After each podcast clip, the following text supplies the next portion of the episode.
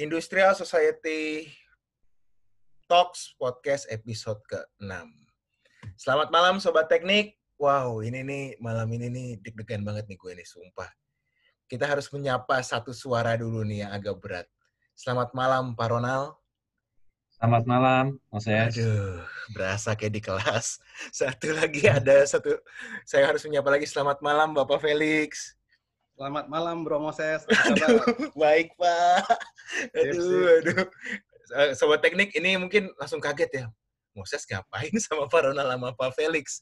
Oke, kita mungkin uh, tanya apa mungkin sobat teknik yang udah lama nggak ke kampus, lama nggak ke update. Sebenarnya Pak Ronald tuh uh, posisinya sekarang uh, jabatannya di mana di teknik itu dan udah berapa lama ya Pak Ronald ya sekarang posisinya Bapak di sebagai dekan ya Pak ya kalau nggak salah Pak? Iya, jadi kebetulan tahun 2016 saya terpilih menjadi dekan 2016 hmm. sampai 2020. Kemudian periode 2020 dan 2024 kembali terpilih menjadi dekan Fakultas Teknik. ngeri. Gitu, ngeri, ngeri, ngeri. Tapi kalau nggak salah ingat saya Pak, Bapak sempat ke luar negeri ya Pak Ronald ya? Udah berapa lama tuh ya. Pak, kalau nggak salah Pak? Uh, sekitar empat tahun. Jadi uh, memang di Atma Jaya gitu ya, khususnya di Fakultas Teknik memang dosen-dosen diberi kesempatan untuk melanjutkan studi lah, uh, melanjutkan sampai S3 gitu ya. Kebetulan hmm. saya mendapat kesempatan tahun 2009, 2009 sampai 2012 akhir untuk uh, melanjutkan S3 di di Taiwan. Wow, wow, bener Pak. Kayaknya saya tahun 2009 mau ngambil kelas Bapak udah nggak ada. Jadi iya. kayaknya Bapak udah pergi duluan. Tapi nggak apa-apa sih Pak. Jadi uh, Sobat Teknik, Pak Ronald ini dekan kita dan uh, puji Tuhannya uh, dari teknik industri juga ya Pak Ronald ya dulunya sebagai yeah. dosen. Kalau nggak salah dosen statistika atau dosen uh, apa ya Pak Ronald dulu Pak? Zaman-zaman Bapak Lulus. di awal-awal sempat megang. saya mengajar uh, sempat manajemen sumber daya manusia, kemudian sempat juga KKHP mungkin ingat KKHP ya, ya, ya, ingat Pak, ingat ya, Pak. Sampai sekarang saya masih ngajar juga. Oh KKHP Pak, waduh. Iya. Kalau MSDM saya memang tahu Pak, MSDM kan karena kepake banget ya Pak di dunia kerja ya. Uh, kalau hmm. KKHP itu ke, ke apa kalau kepanjang K3 ya, K3 juga kepake Pak, kalau K3 Pak bener. Ya. Oke, okay, kita coba apa say hello to Pak Felix ya. Pak Felix boleh bisa dideklar Pak, Bapak uh, sekarang jabatannya di mana? Karena Bapak kayak baru terpilih ya Pak, Pak Felix ya. Silakan ya, Pak Felix. Betul. Ya, terima kasih Moses. Nah, saya uh, kebetulan juga sama seperti Pak Ronald, per Juni ini diangkat, dipilih oleh Pak Ronald untuk menjadi Kaprodi Teknik Industri. Jadi per 1 Juni baru berarti uh, sebulan lebih lah baru menjabat sebagai Kaprodi Teknik Industri. Atma Jaya. Wah, Pak, kalau bo kalau boleh nih Pak, tahu nih, saya kan dulu kan mungkin saya yang udah lama banget lah Pak, 2005 ya Pak. Pak Felix juga kayak sempat pergi juga ya Pak, ke luar negeri ya Pak ya? Ya, betul Ses. Jadi tahun 2015, huh?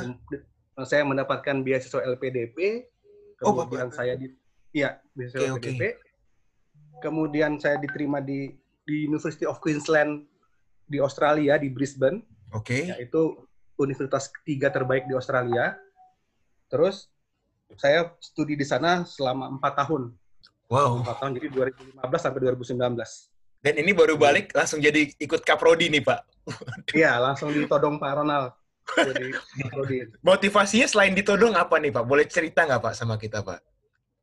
Oke, motivasinya uh, seperti ini ya, mungkin sedikit panjang nih ceritanya. Gak apa-apa, saya... gak apa-apa. Kita santai kok Pak Ronald. Pak Ronald nggak apa-apa kan Pak ya? Kita diskusi santai di malam-malam Sabtu ini, Pak. Ya, silakan, Pak. silakan, Pak. Jadi saya mulai bergabung itu ya di Atma Jaya itu tahun 2004. 2004 S1 dulu.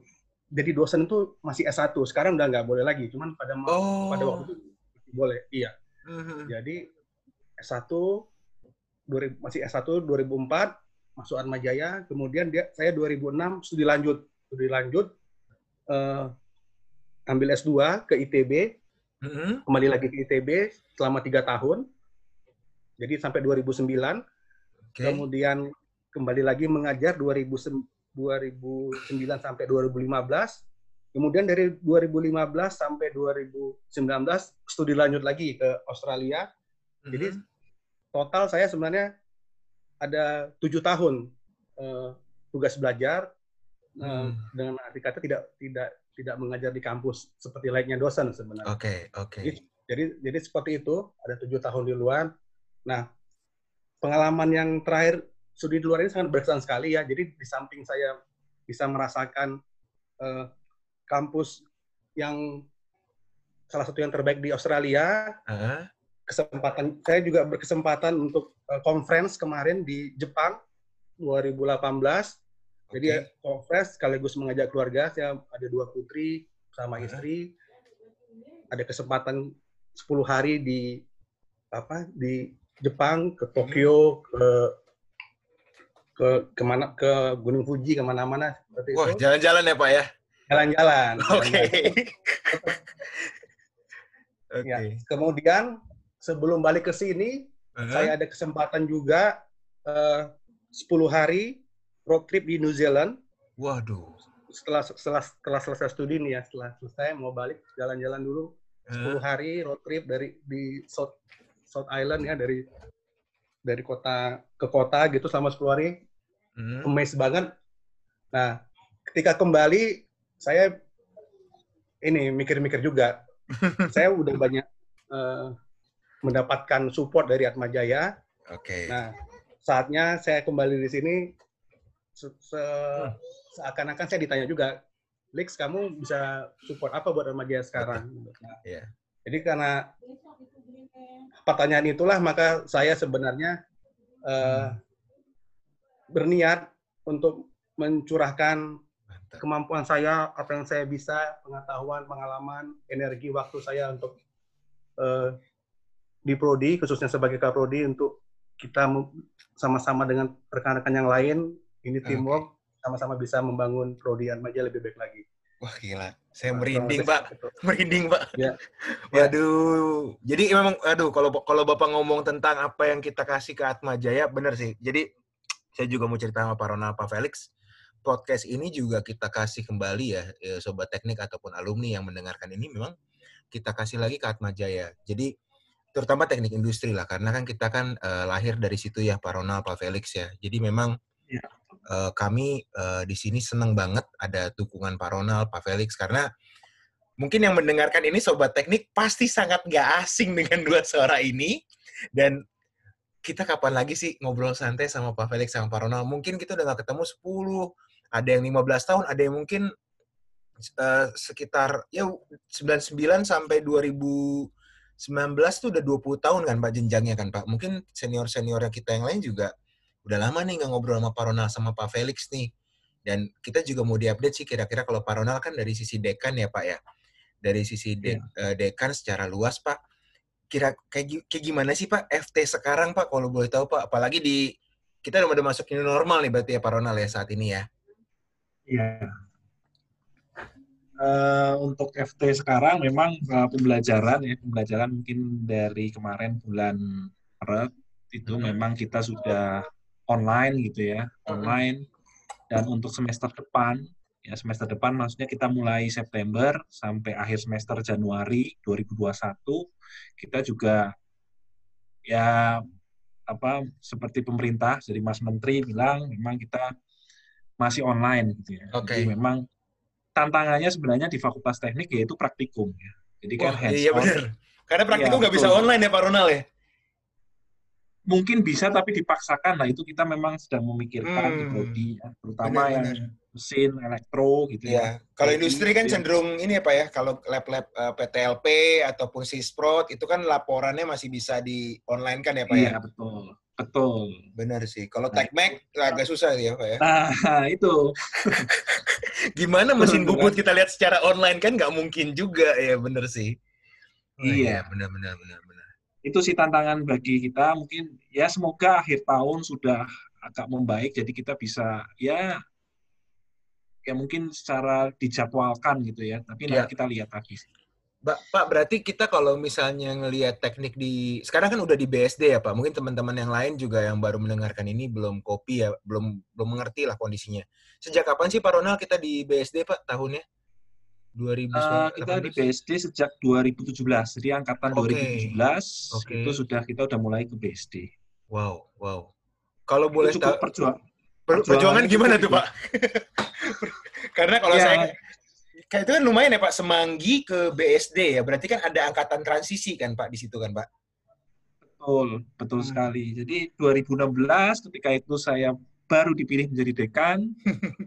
tahun depannya lagi harus jadi dalam pindah ke BSD. memikirkan iya betul. Tapi ya pindah ke BSD. Pindahnya kan tidak cuma pindah secara fisik gitu ya. Iya, iya. Tapi juga pindah secara mindset gitu ya, mindset teman-teman di uh, dosen, karyawan gitu ya. Betul. Bagaimana pindah jadi budaya baru, kemudian kebiasaan baru dan rumah ya mungkin jauh dan seterusnya itu memang menjadi tantangan sih. tersendiri. Benar-benar. Dan dan untuk sekarang Pak berarti kan Atma Atma Jaya kan udah terkenal, udah pasti ada di BSD, terutama teknik lah ya Pak ya. Karena hmm. uh, uh, kalau saya lihat dari teman-teman yang kemarin juga saya interview angkatan 2019, mereka juga cerita ada dormitory ya Pak di dalam situ ya Pak. Berarti fasilitasnya lengkap banget ya Pak di Atma Jaya BSD ini. Iya, jadi di situ ada dormitory, dormitory, kemudian ada sport hall itu ya, memang khusus untuk uh, sport hall yang baru. Mungkin mm -hmm. Moses sudah pernah lihat juga ya? Udah pernah, pernah, pernah sekali Pak, sekali. ya, itu sport hall, kemudian okay. uh, eh, fasilitasnya juga terkait dengan ya mungkin kayak jogging track gitu ya, muterin oh, sampai ke sport sampai. kemudian ada ya ketika itu ada salah satu uh, ojol gitu ya. Oke. Okay.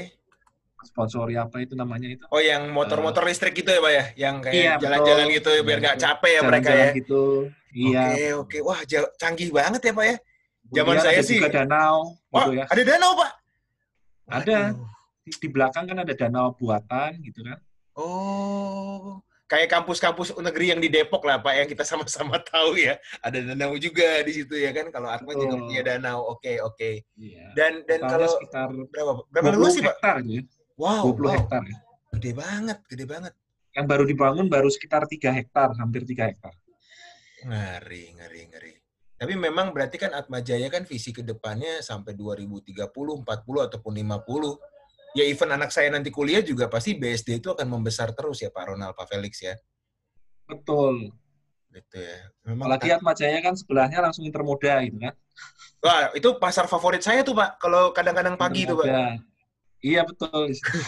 mau belanja apa aja ada, mau beli kopi sebelum naik kereta ada. Wah nih emang sebenarnya strategi sih sama kayak di Sudirman. Cuman ini kita kayak ya 10 tahun sebelum rame lah ya Pak ya, daerah situ. Ya. Perlu ya. waktu benar benar benar ya. benar.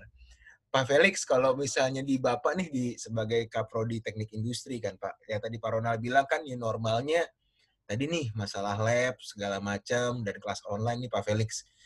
Untuk yep. uh, semester depan nih Pak pasti kan ada mahasiswa Bapak nih yang sosokan denger ya kan mungkin podcast ini. kalau semester depan tuh teknik yeah. industri tuh kayak kayak gimana sih Pak? Apakah uh, yang tadi kan kalau lab-lab Sisprot, uh, eh, APSKE mungkin online Pak atau tetap online terus ataupun ada mungkin ada uh, seminarnya atau gimana ya Pak? Ada tambahan-tambahan nggak sih Pak kegiatan baru di Prodi Industri semester depan ini?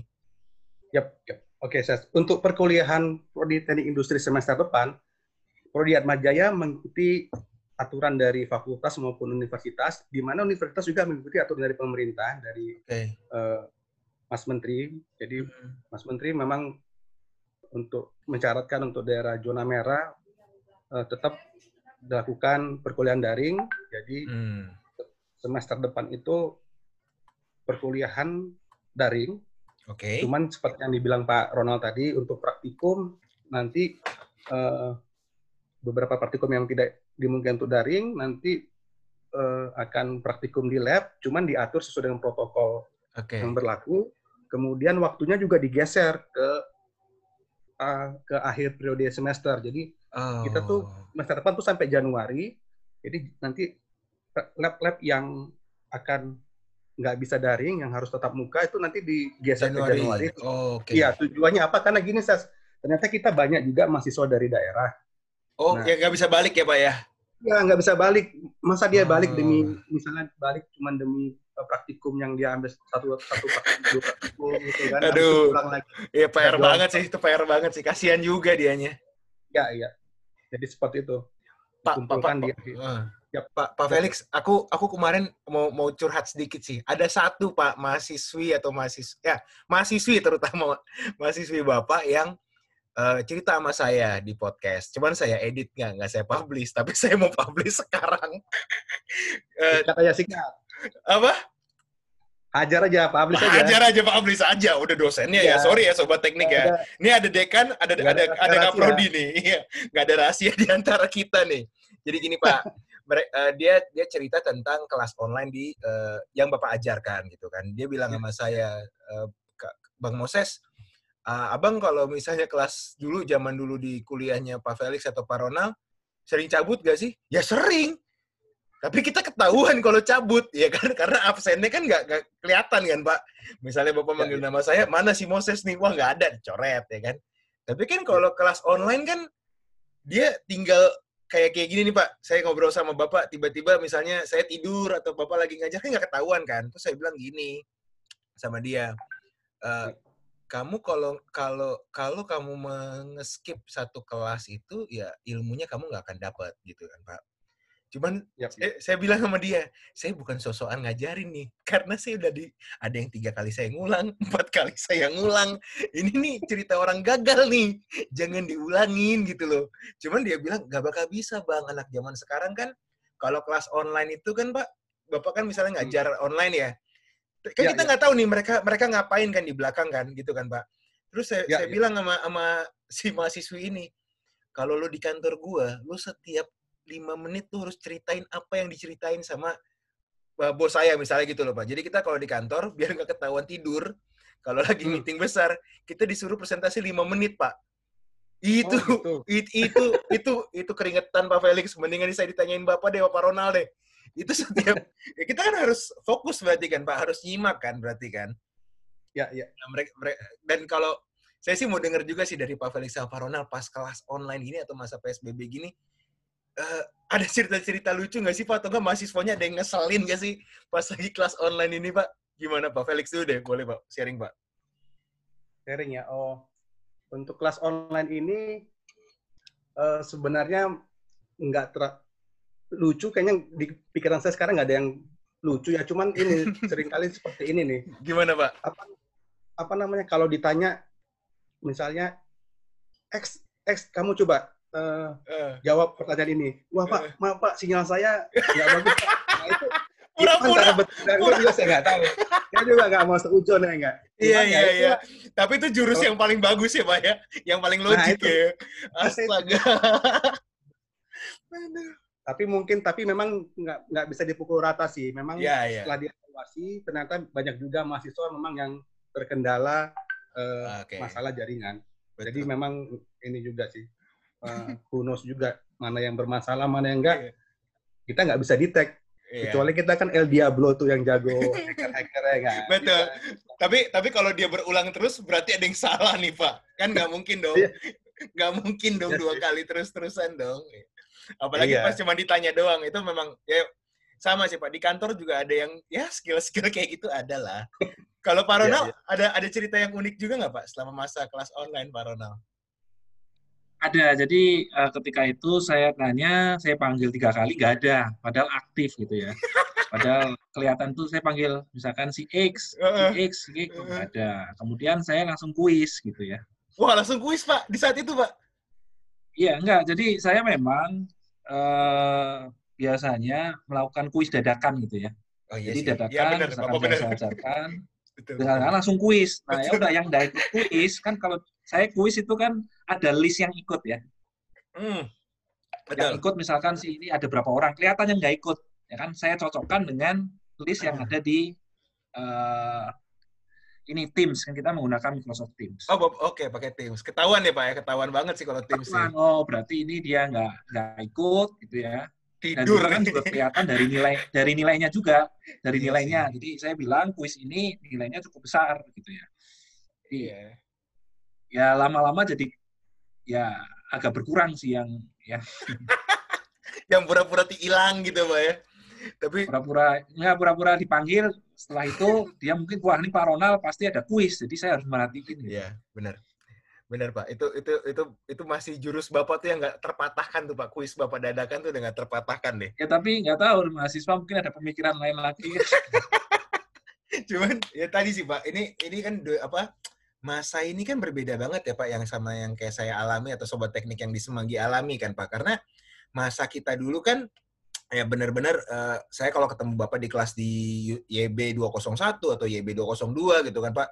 Kelas itu kan ya udah nggak ada sinyal handphone gitu kan Pak Ronald, Pak Felix kan. Mau mau ngapain lagi gitu kan? Nggak, nggak bisa buka BBM zaman itu ya kan.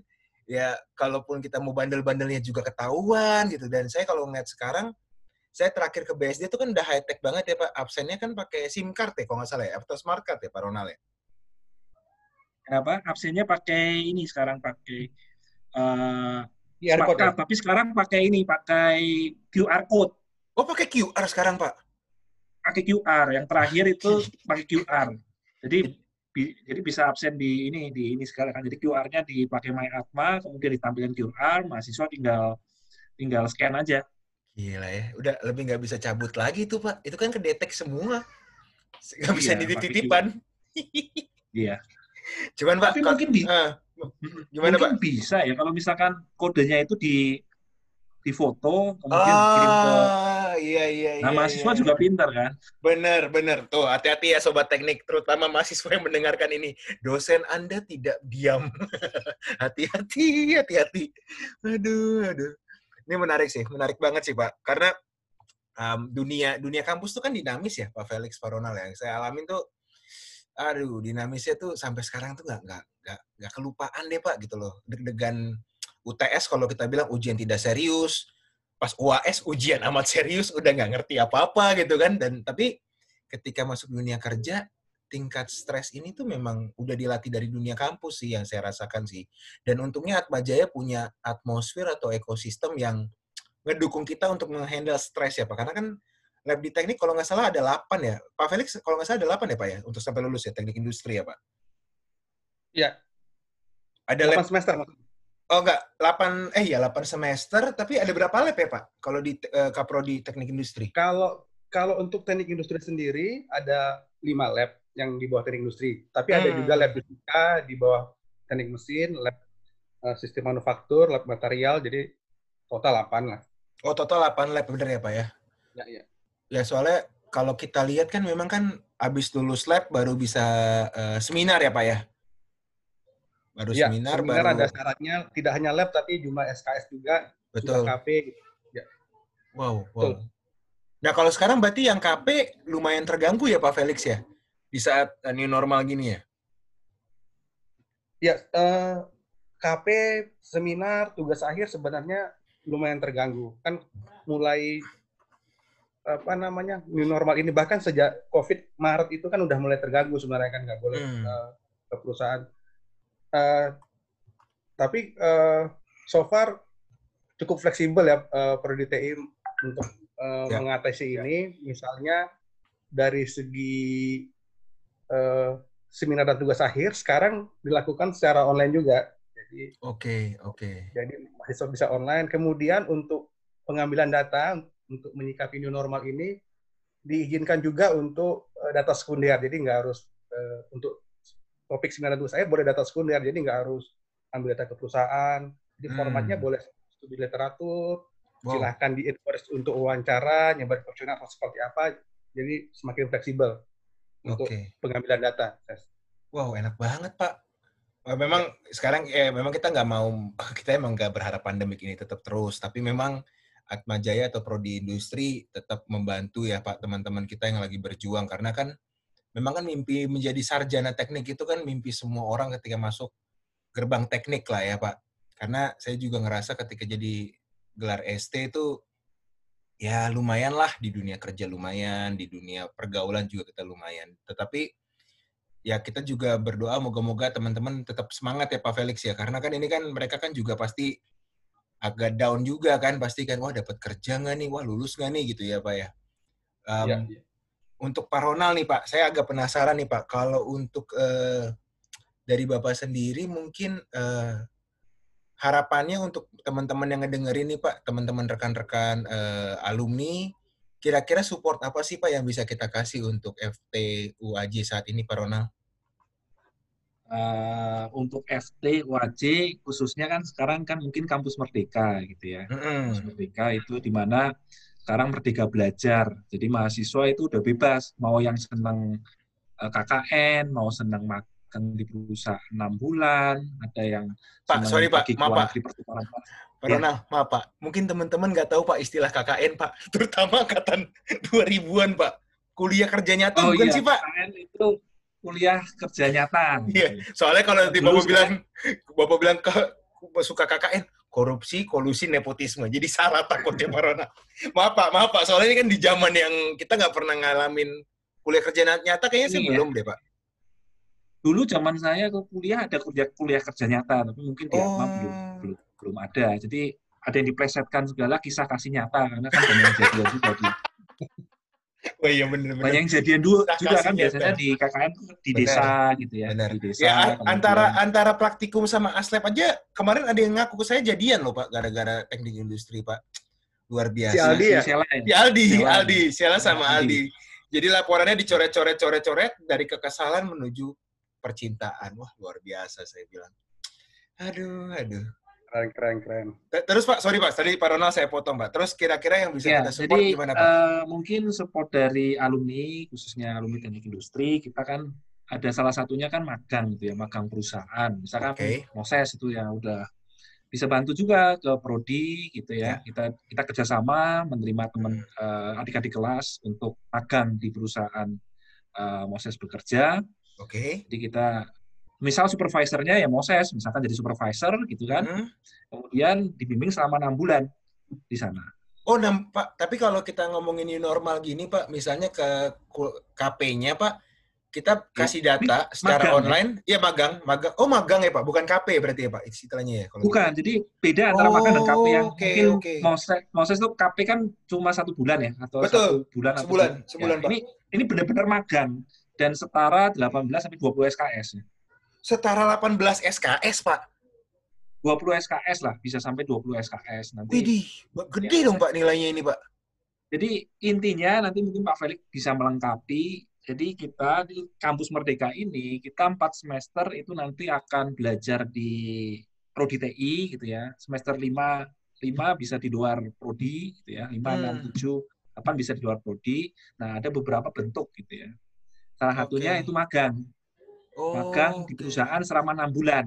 Nanti ada konversinya terhadap mata kuliah apa. Nanti Pak Felix mungkin lebih detail lagi di kurikulum Siap. yang kita kan akan membuat kurikulum baru yang uh, mem, apa, mengakomodasi uh, kebijakan kampus merdeka tersebut. Hmm. Nah, mungkin kalau ada perusahaan, misalkan kita uh, bisa bantu adik-adik kelas, gitu kan ya. malah enak kan, misalkan supervisornya dari alumni sendiri kan malah lebih enak kita ngobrolnya kan enak. Ini gimana Betul. anak uh, apa si X ini gimana di kerjaan? Iya. Kalau misalkan oh jelek, misalkan atau kurang kurang kurang kurang perform, ya bisa langsung tanpa sungkan bisa langsung bilang gitu ke Tapi pasti kalau alumninya Pak, alumni yang yang dapat mahasiswa Bapak gitu ya, pasti dia akan nanya, Pak Ronald Pak Felix masih galak nggak? Atau Pak Ronald Pak Felix masih ngajar nggak? Pasti kan kita kan kepo dulu kan, karena saya kok saya masih ingat banget lah Pak dosen-dosen uh, di kita apa di teknik industri itu ada Pak Venus, Pak Hotma, Pak Marcel, Bu Christine, Bu Vivi, uh, Bu Vivi terus uh, kayaknya tapi kalau yang yang muda-muda saya nggak nggak nggak dapat deh Pak Felix atau Pak Ronald deh karena Pak, iya. kalau kalau Pak Felix Pak Ronald pasti saya masih ingat karena kan kita kan era 2000 saya kan 2005 sampai 2011 Pak. Masih dapat lah semuanya lah gitu. Saya masuk 2005 itu kan Pak Felix 2004 kan. Waduh Sayang Pak, saya nggak nggak banyak banget sih ngambil kuliah Bapak. Saya kebanyakan ngambil Pak Hotma Pak. Nggak lulus lulus. Aduh, oke. Okay. Kalau Pak Felix tadi mau melengkapi statementnya Pak Ronald gimana Pak? Yang atas magang dengan 18 atau 20 SKS bobotnya Pak? Ya, mungkin teman-teman alumni belum tahu ya, nggak mengikuti perkembangan dunia pendidikan Indonesia. Jadi saya hmm. ceritakan latar belakangnya sebentar. Jadi Mas Menteri, Mas Nadiem Nakarim itu di awal tahun ini mencanangkan uh, perubahan dalam sistem kurikulum pendidikan tinggi. Jadi hmm. dasar pemikirannya adalah mahasiswa itu jangan belajar di dalam kampus aja, jangan dalam jangan belajar di prodi aja, harus belajar di luar prodi, di luar kampus. Nah, okay. dan belajar di luar kampus itu juga harus disetarakan dengan mata kuliah, ada penyetaraan dengan mata kuliah. Nah, okay. sehingga dicetuskanlah beberapa program. Salah satunya magang. Jadi magang itu nanti uh, dalam periode 3 sampai 6 bulan, diharapkan seperti itu bukan satu bulan lagi, karena kita tahu sama tahu waktu saya kuliah juga dulu cuma satu bulan aja. Nggak nggak dapat apa-apa satu bulan sebenarnya. Masih sangat miskin pengalaman. Jadi oh, yeah. itu disadari yeah. disadari penuh oleh dunia pendidikan. Jadi di magang itu yang kata Pak Ronald benar-benar itu dari segi waktu itu minimum 3 sampai enam bulan. Bahkan boleh boleh setahun dilanjutkan dengan TA nah kemudian di sana juga betul-betul nanti ada supervisor dari perusahaan yang membimbing kerjasama dengan supervisor yang di sini jadi betul-betul uh, Atma Jaya cepat mengadop mengadopsi. Jadi ini baru sebenarnya, baru hmm. Maret Maret baru dicetuskan ide kampus Merdeka. Atma Jaya cepat tanggap, langsung per semester ganjil depan langsung kita adopsi itu uh, program kampus Merdeka sehingga hmm. Kita sih sepakat dengan ide pemikiran tadi itu bahwa mahasiswa itu juga sebaiknya belajar juga di luar kampus dengan praktisi. Betul, betul. Itu betul banget, Pak. Karena Jadi, kalau cuman kita ngomongin buku doang, buku kan udah banyak ya, Pak. Apalagi anak-anak sekarang mungkin lebih cepat baca buku atau ngeliat YouTube atau apa pun itu. Tapi ketika ngomongin lapangan tuh beda banget, Pak Felix. Saya, saya pernah sekali tuh kuliahnya Pak uh, Venus, dia bilang, kalau misalnya lo nggak bisa ngerjain laporan kayak gini doang nih, Ses, itu nggak ada apa-apanya lah sama laporan dunia perusahaan. Dan itu happen banget Pak Felix. Tapi kalau kita hmm. mau tahu detailnya nih Pak Felix, nanti alumni-alumni itu harus kontak ke siapa ya Pak? Untuk misalnya nih, karena kan di kantor itu kan magang itu ada dua, dua, dua mungkin dua elemen yang berbeda Pak. Ada magang yang anak SMK atau anak SMA di kantor itu memang ada Pak Felix, Pak Ronald. Pasti ada setiap bulannya lah. Tapi ini yang magang mahasiswa ini nih ada perbedaannya nggak sih Pak nanti Pak kira-kira Pak? Mengenai kontak ke siapa, tadi pertanyaan pertama, huh? boleh kontak ke saya atau Pak Ronald. Oke. Okay. Silakan by email atau by WhatsApp. Siap. Hmm. Mengenai uh, seperti apa magangnya, itu uh, dari sisi kami sih sesuai dengan peraturan dari Dikti. Okay. Nanti kita harus ngobrol dulu, kita buat dulu MOU atau perjanjian kerjasama. Kita, oh, oke, oke. Okay, okay. Formal ini kita harus di awal apa tentukan dulu hak dan kewajiban dari perusahaan perusahaan maupun mahasiswa seperti apa kegiatan yang akan dilakukan. Jadi uh, seperti itu kita uh, harus diawali dengan perjanjian kerjasama juga, jelas kegiatannya apa, kemudian metode evaluasinya juga didefine dari awal. Nah, baru kita nanti bisa uh, jalankan nih program siap nagangnya. Nah, ya. Thank you Pak Felix atas penjelasannya. Thank you Pak Ronald atas ya. penjelasannya ya. Pak Ronald. Kita boleh nanti buat sesi lagi boleh ya Pak Ronald ya mau Pak Felix ya? Ini kan ya, kurang banget pertama. Nih. Ya kan kurang ya, banget ya, kan, Pak? Baru bahas kampus mereka udah habis waktu Iya, udah habis karena biasa Pak kalau di podcast datanya kalau di atas 30 menit gak ada yang mau dengerin. Jadi kita ya, ya. kita cut dulu sesi yang ini Pak Ronald ya. Moga-moga di bulan depan atau di bulan ini nanti kita masih bisa ketemu lagi. Tetap sehat, iya. Pak Ronald, Pak Felix. Sampai ketemu terima dan kasih. terima kasih ya Pak semuanya. Ya, terima ya, kasih, terima kasih. Sama-sama Pak. Selamat malam, selamat istirahat. Malam. Ya.